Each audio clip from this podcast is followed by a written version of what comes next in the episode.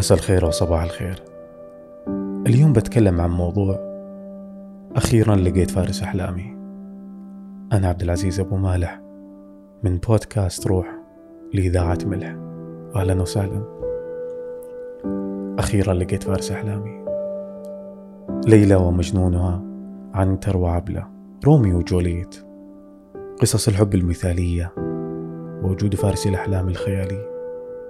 هي قصة عميقة في عقول البشر مع اختلاف ثقافاتهم مع التراكمية المعرفية للإنسان تزداد هذه الفكرة بالرسوخ في أعماق العقل اللاواعي. أو كما ادعى عمنا كارل يانغ العقل اللاواعي الجمعي. وتصبح هذه الفكرة فكرة وجود الشخص المثالي لكل إنسان حقيقة يعيش الإنسان منذ ولادته. إذا افترضنا حقيقة وجود إنسان مثالي أصلا فإنه من الضرورة والحكمة أن أبدأ رحلة البحث عن هذا الشخص الآن وفورا وفي كل مكان. رحلة البحث. يبدأ الإنسان بالانغماس بالمجتمع منذ الطفولة عن طريق المدرسة وكلما زاد بالعمر وكلما تعمق الانغماس في ثقافة البلد وتقاليده. إلى أن ينسلخ بشكل تدريجي عن نفسه ويتلون بلون الجماعة أيا كانت. تبدأ تتبلور الفق. معليش بنعيد مرة ثانية. تبدأ بتبلور الفقاعة الثقافية الخاصة فيك وتتضح بشكل جدا حقيقي. إلى أن تصبح حقيقة مطلقة في سن المراهقة. فقاعتك الخاصة فيك مليئة بالإيمانات والاعتقادات والمفاهيم والتقاليد والانتماءات والمخاوف والأحلام. في قسم الأحلام يوجد فارس الأحلام. مجرد فكرة ليس لها معالم معينة ولا شكل ولا هوية وهذا يعبر عن سمة الأفكار بشكل عام. ما يميز قسم الأحلام أنه يعطي شعورا جيدا للإنسان فهي كالمخدرات. تنسيك همومك وتخبطاتك ومشاكلك.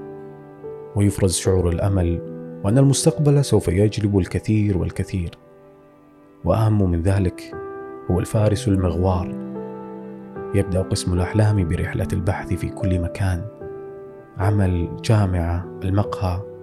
وسائل التواصل الشارع تحت السرير فوق السطح. قسم الأحلام لا يستسخر أي مجهود.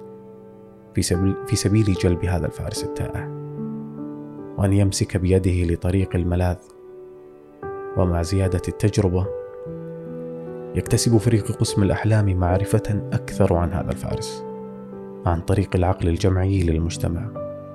في, في سبيل الوصول إلى الأحق والأصلح والأنسب. وصول الفارس المغوار.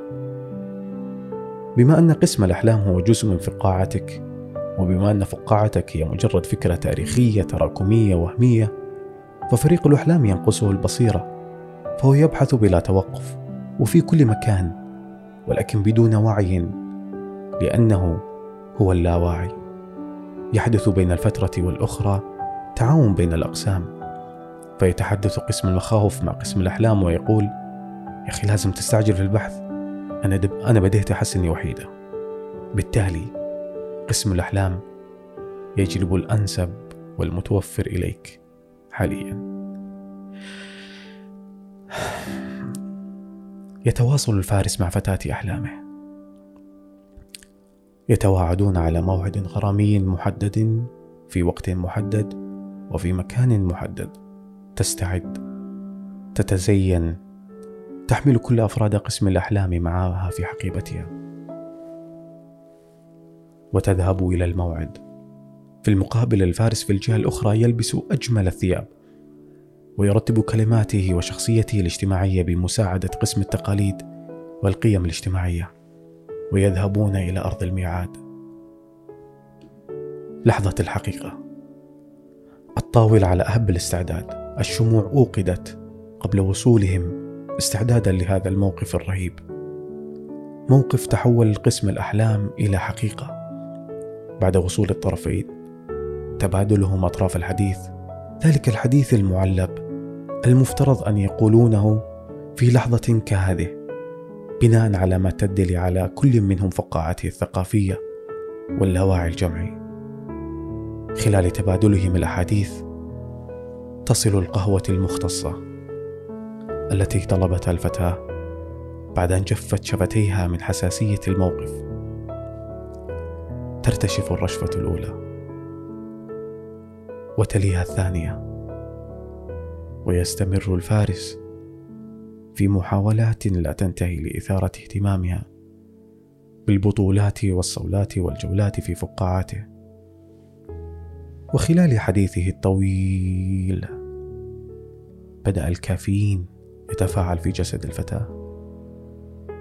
بدأت تزداد دقات قلبها بدأ منسوب الإدرينالين يزداد.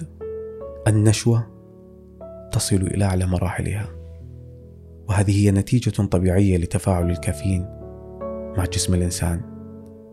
المثير للاهتمام أن هذا التفاعل شبيه جدا بتفاعل الانبهار والدهشة. وبما أن المحرك هو اللاواعي فهو يظل دافع الرغبة في إيجاد هذا الفارس.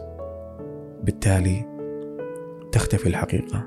صفة اللاواعي هي أنه لا يعي بما يحدث فهو عبارة عن تراكمية معرفية جمعية غير واعية بالدوافع الحقيقية. فتوقعت الفتاة أن الشعور الجميل الذي تشعر به هو بسبب انبهارها بالفارس المغوار والحقيقة أن تفاعل كوب القهوة الذي يحتوي على الكافيين كان السبب.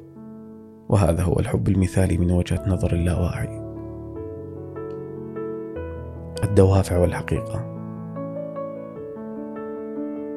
ملاحظة. ما تعتقد أنه حقيقة؟ هو مجرد فقاعة ثقافية لرؤية الحقيقة. افقعها أتمنى لك يوم جميل وهادئ. إن شاء الله نشوفك في الحلقة الجاية. مع السلامة.